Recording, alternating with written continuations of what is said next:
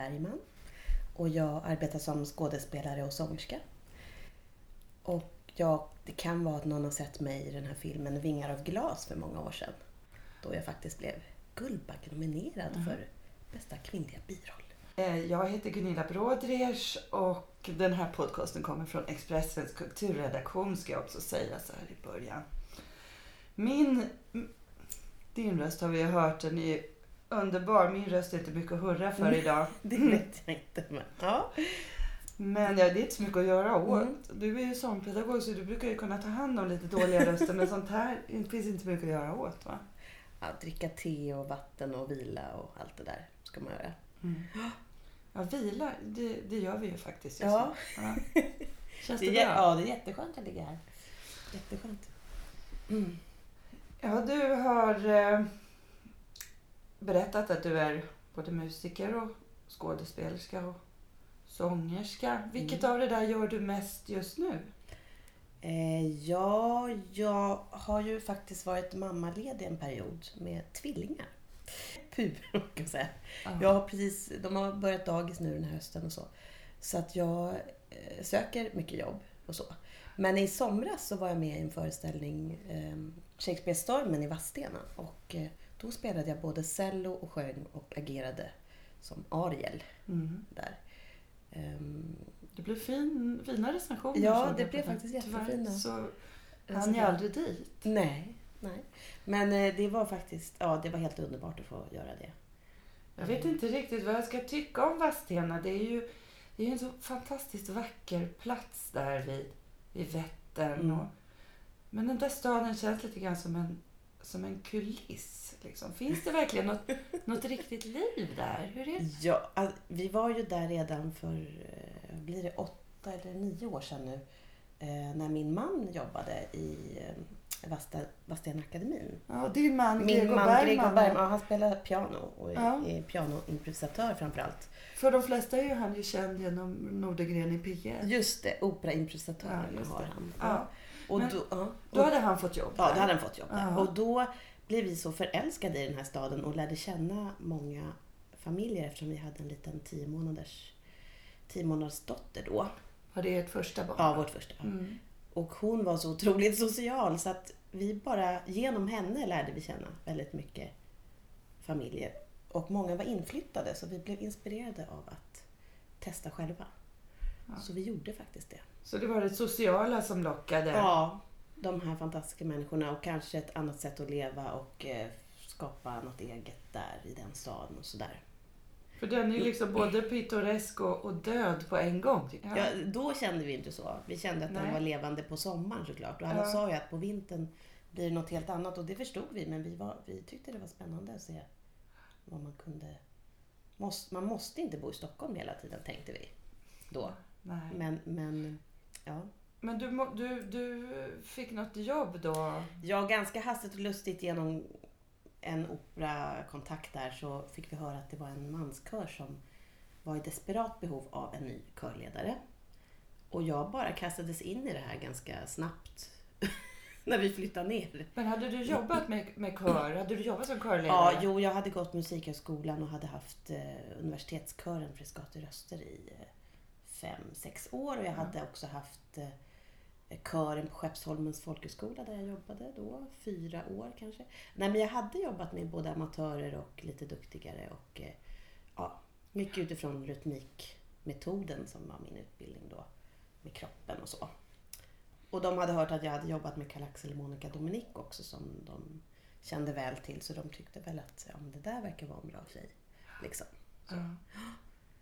Men, men att komma då som, ja, som kvinna till en sån här gammal institution. Den har funnits sedan 40-talet tror jag. Ja.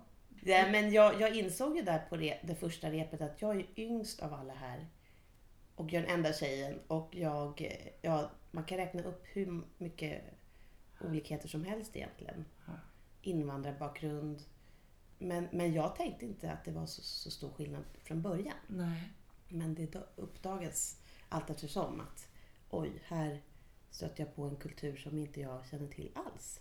Hur det funkar i den här kören och hur, hur de tänker. Och, Kan du beskriva hur det var första gången, alltså första repetitionen när du kom in?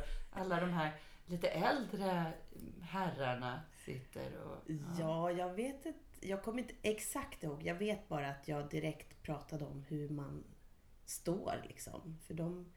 de jag vet inte om det är tradition i andra körer, men man äh, står liksom och hålla händerna framför kroppen så här. Hålla ihop händerna så här och stå och sjunga. Och för mig är det så otroligt, det ser så spänt ut liksom.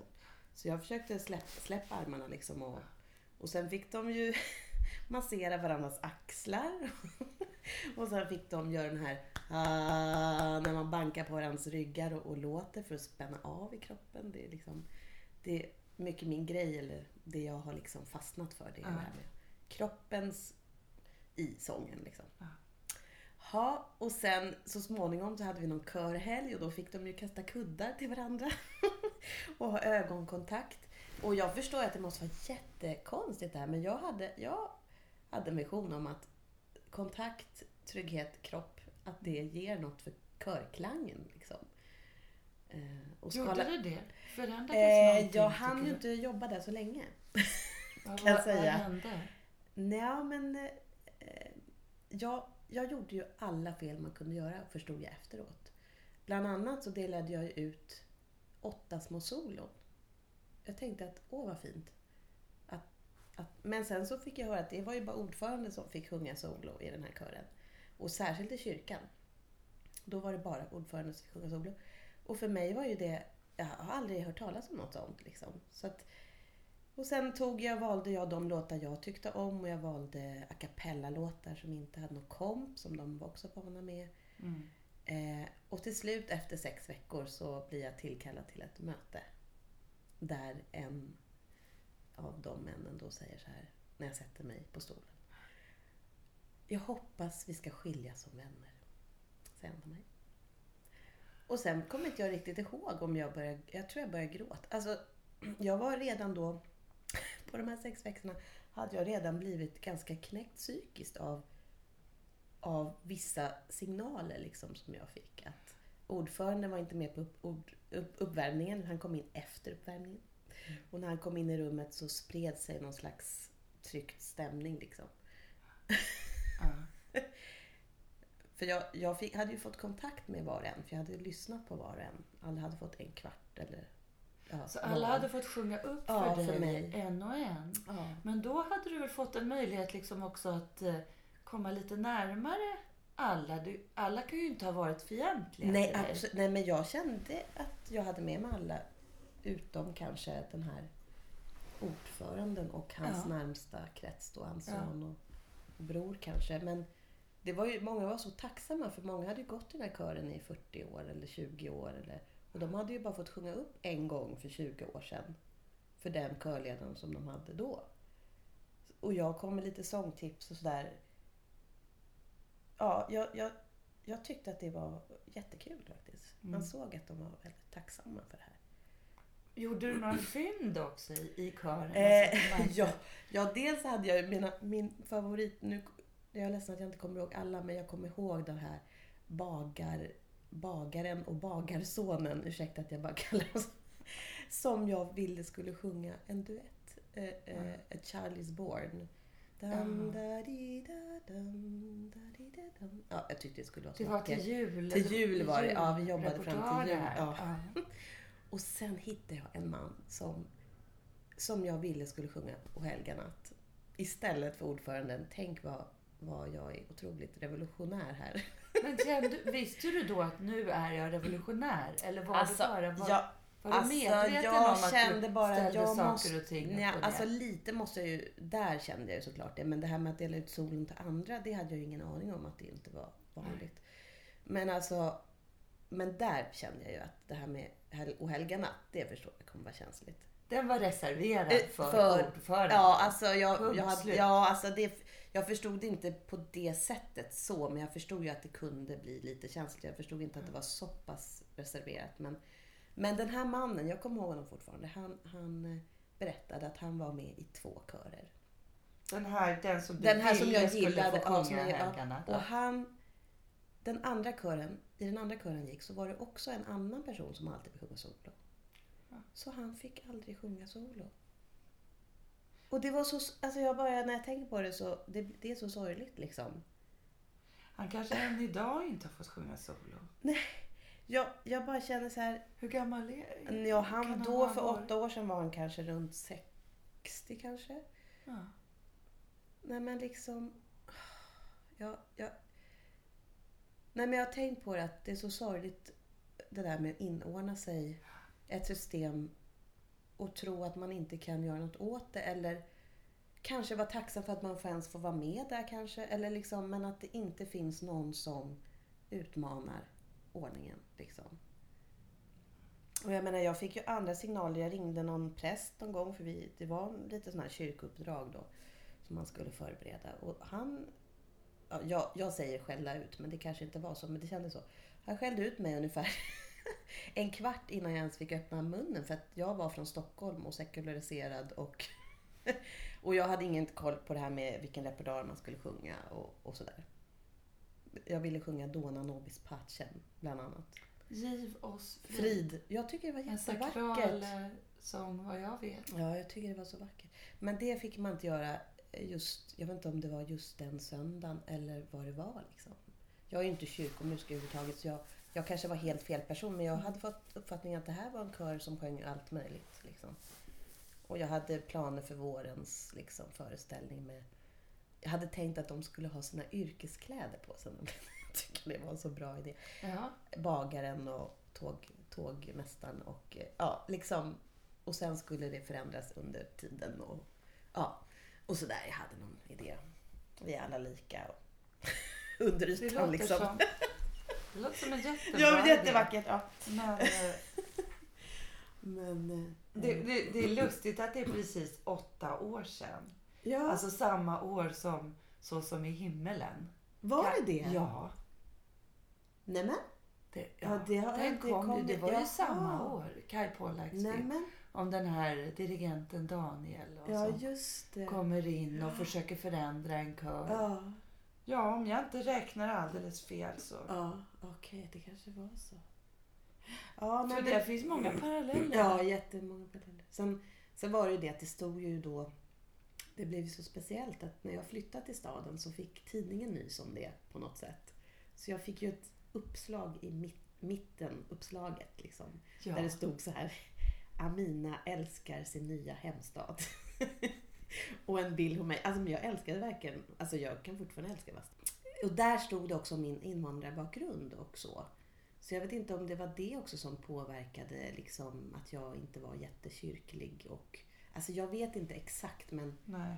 det var i alla fall, det föregick som någon... Var det det han menade? Den här? Jag vet inte, men jag, det, det, det är bara spekulationer från min sida. Men jag vet att sista repet bröt jag ihop faktiskt. För då kom det så många på pausen och sa att de inte vill ha den eller den och den låten. Och då kände, till slut kände jag bara nej.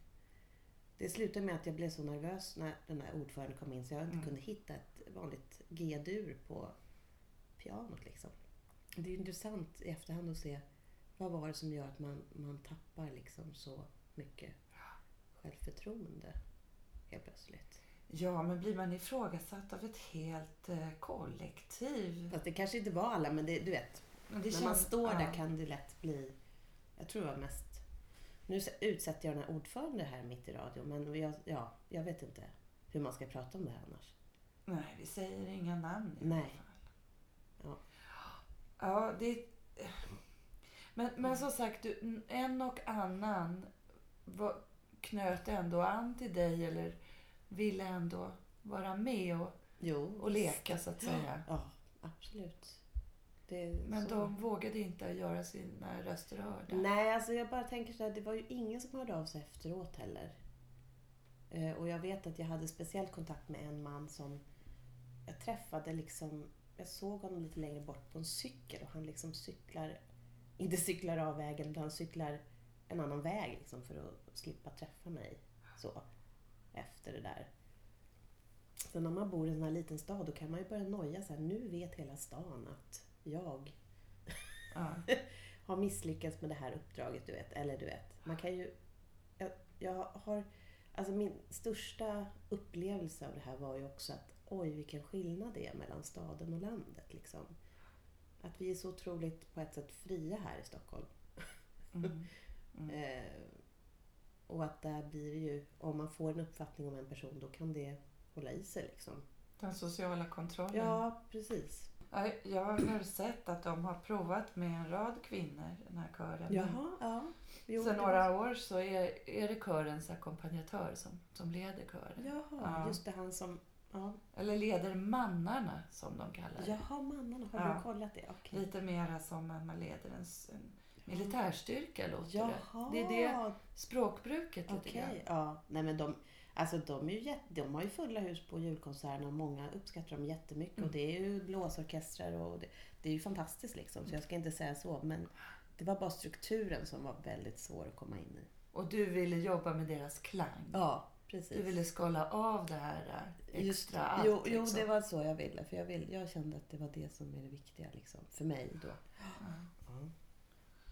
Sen var ja, den här pianist, pianisten då som leder dem nu då. Han, ehm, han fick ju vara med i kören. Han var inte pianist då när jag repade. För Mm. jag ville gärna ha det så.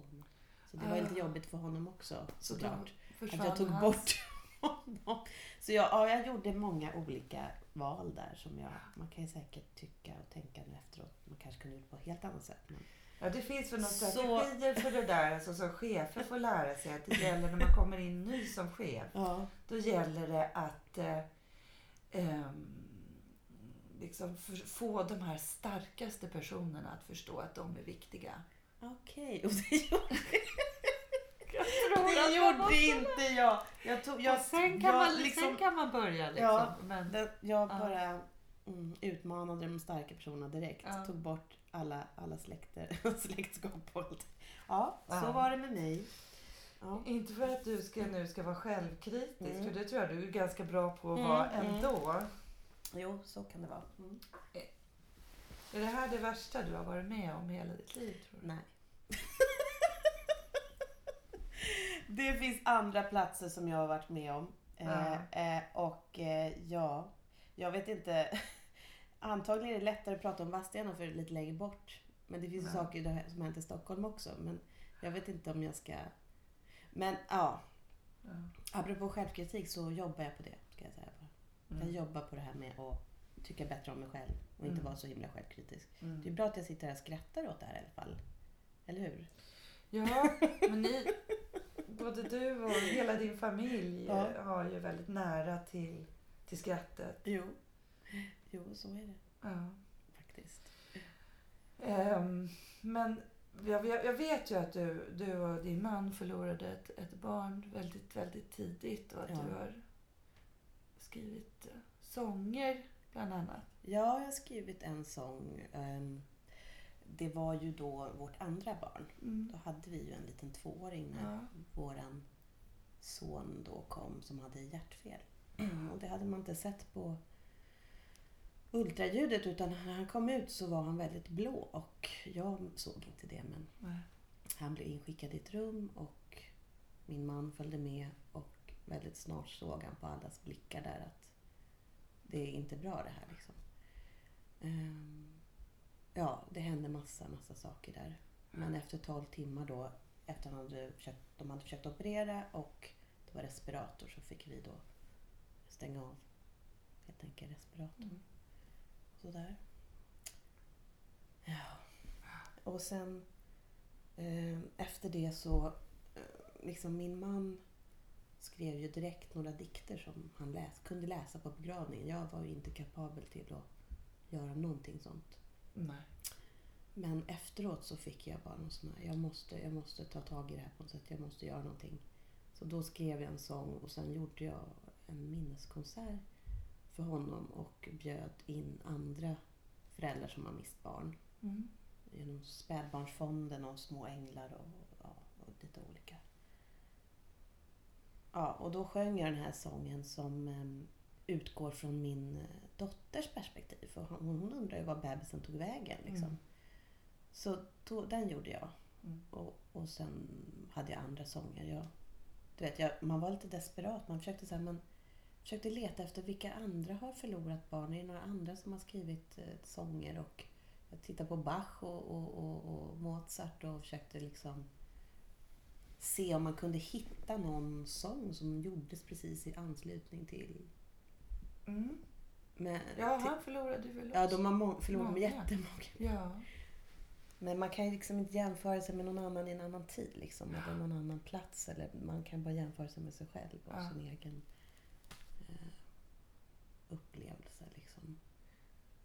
Det är svårt att översätta någon annans. Ja, du? eller som att, man, som att jag var så här, ja men de, de förlorade ju ännu fler barn så de borde det vara ännu mer synd Mm. om. Eller, eller liksom man försökte, och i, i andra länder är det ju jättehög eh, Mm. barnadödlighet. Och liksom Mm. man försökte på något sätt sätta det i perspektiv men man kan ju inte, ens egen sorg är ens egen sorg. Man Mm. kan inte jämföra sig med någon annan faktiskt. Där. Ja. Mm. Så var det. Så du... Men, men, men jag, kan, jag kan känna så här att eh, det har ju varit en lång kamp liksom att våga bli gravid igen och, och så vidare. och så vidare.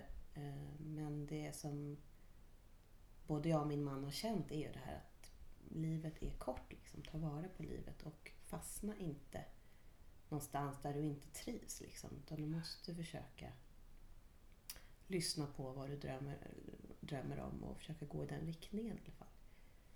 Ja. Och då kan man om man skulle då backa till Vadstena igen så den här mannen som aldrig fick sjunga solo liksom. Det är ungefär det värsta jag kan tänka mig. Att aldrig ha fått göra det där som man ville. Sen är det ju svårt att få, att få komma till sina drömmar eh, ofta. Men ja, det, vi pratar mycket om det fortfarande. Liksom. Mm. Att se vad, vad är det som är viktigt liksom, i våra liv. Men jag kommer inte ihåg vad du frågade nu, Gunilla.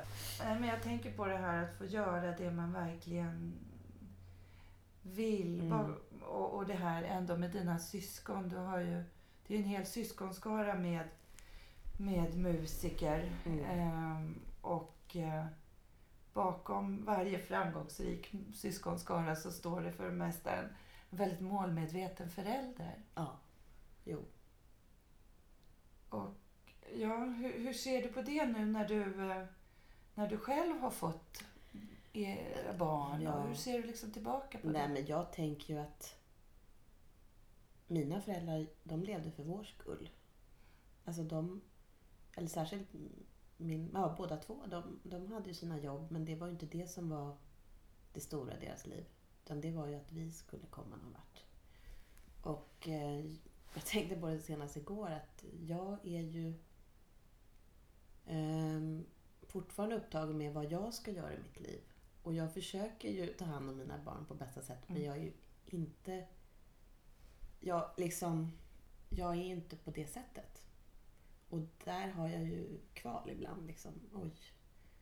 Jag tror att jag är en tillräckligt bra mamma Mm. ändå men Mm, ja. Det var ju full uppbackning alltså mm, på oss. Och vi var ju så många också. mm, Så det är otroligt egentligen. Det de har gjort för oss. Och där tror jag också att båda mina föräldrar önskade själva att någon gång ha fått sjunga eller spela eller så. Men att deras uppväxt gjorde att de inte kunde göra det. Ehm, mm. Min mammas favoritfilm är ju Sound of Music. och det tycker jag är så kul liksom. Hon fick sina barn som sjöng. Och jag brukar säga det, ja, jag vet inte vad mamma och pappa har hört det men att hon fick in, ingen kapten men hon fick en bilmekaniker i alla fall. eh, så, så eh, Men på det sättet ja. så har hon ju levt sin dröm. ja men det har hon ju faktiskt. Om hon, om hon är Maria då ja. Om hon är Maria. Jo, det är sant. Det har du rätt i. Nej, men då har hon levt sin dröm. Ja, du har rätt i. Vad härligt. jag har inte tänkt på det på det sättet. Ja. Mm. Ja. Sen hade hon också...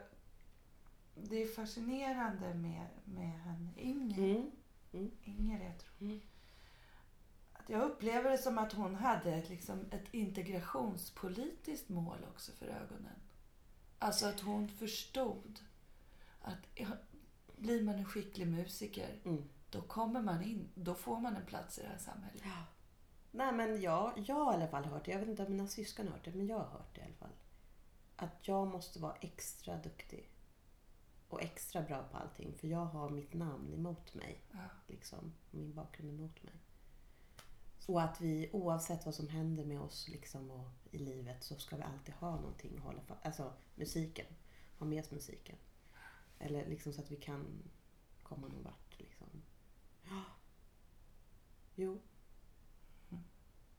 Jo, men hon kände ju det när hon bytte namn från Inger Jersén till Inger Al Fakir.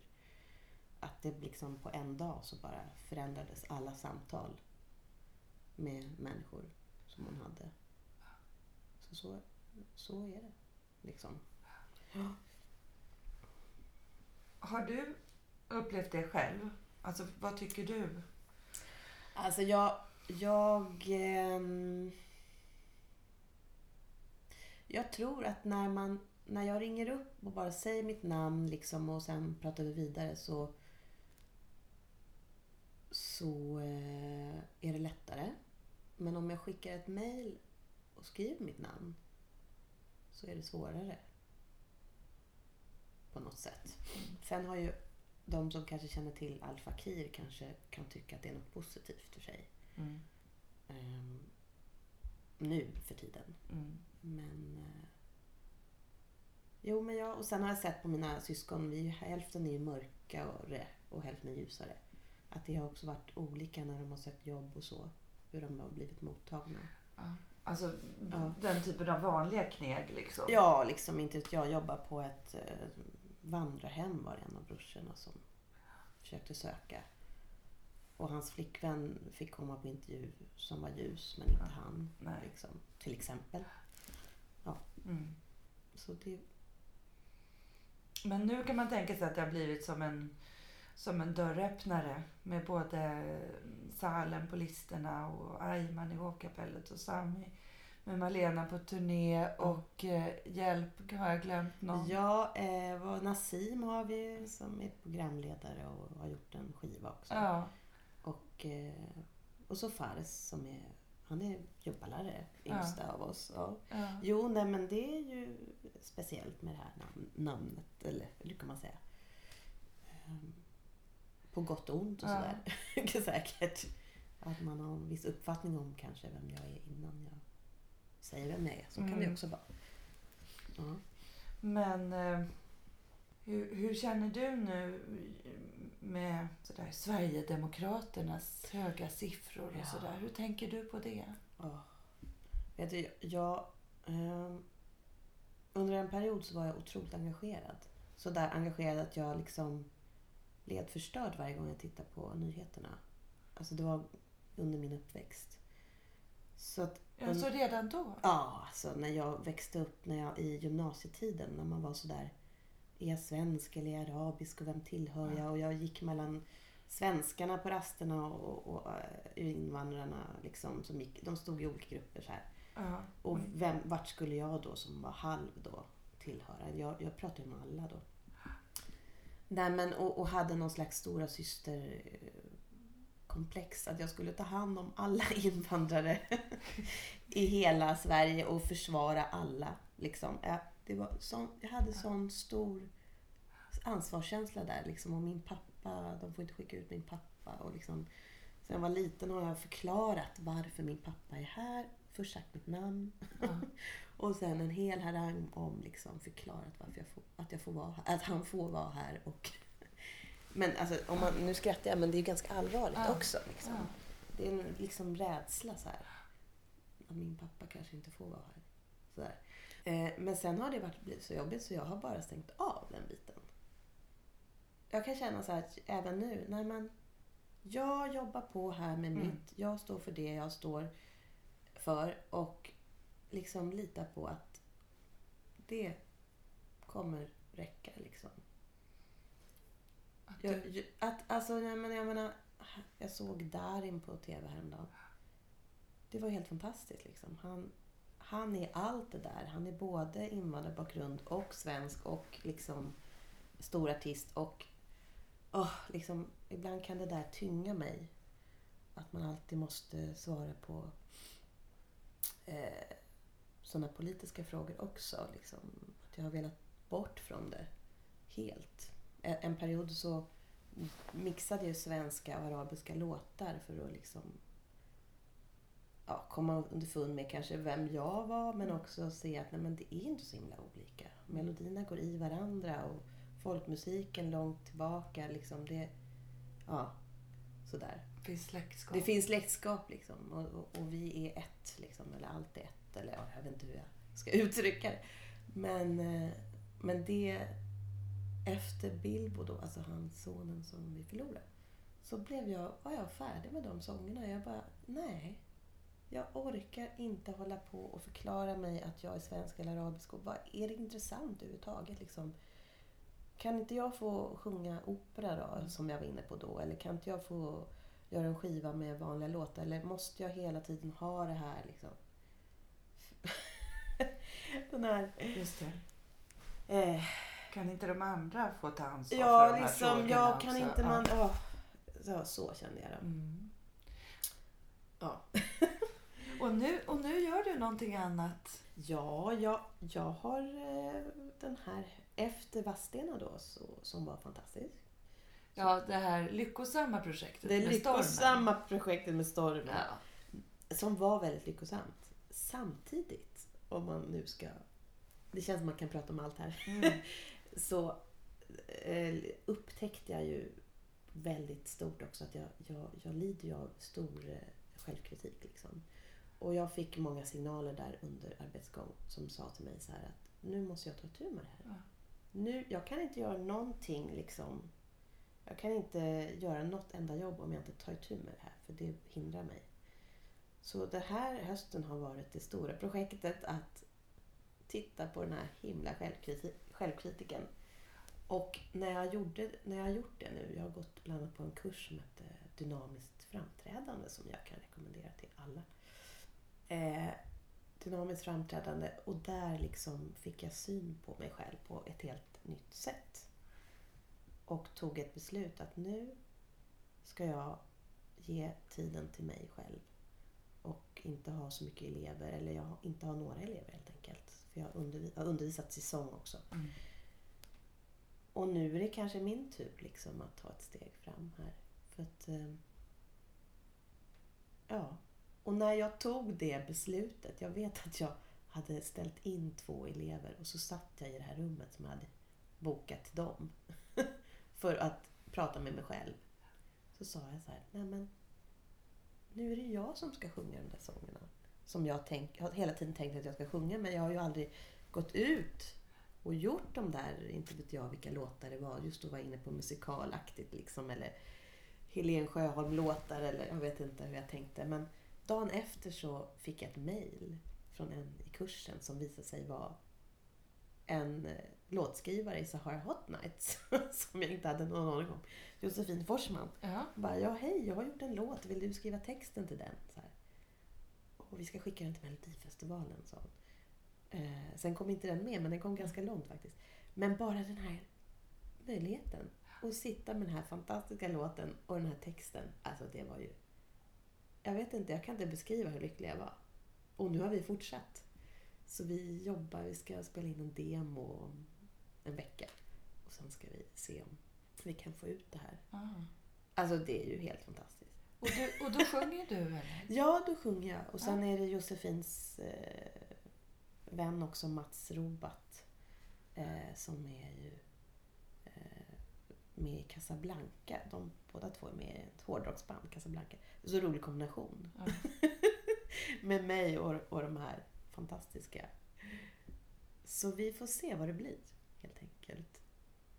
Eh, ja, det är så. Och sen försöker jag ju jobba vidare med skådespeleri eh, och kolla ifall jag kan få jobb så också. Såklart. Bra. Mm. Mm. Då håller jag tummarna för dig. Ja, men gör du det Gunilla? Ja. Tack. Gör det. Tack då Amina Al-Fakir Bergman för att du var med i min podcast. Och den här sändningen kommer från Expressen Kultur och den kan man lyssna på antingen i datorn på expressen.se kultur eller i sin smartphone via iTunes. Och jag heter Gunilla Brådresch. Hej då!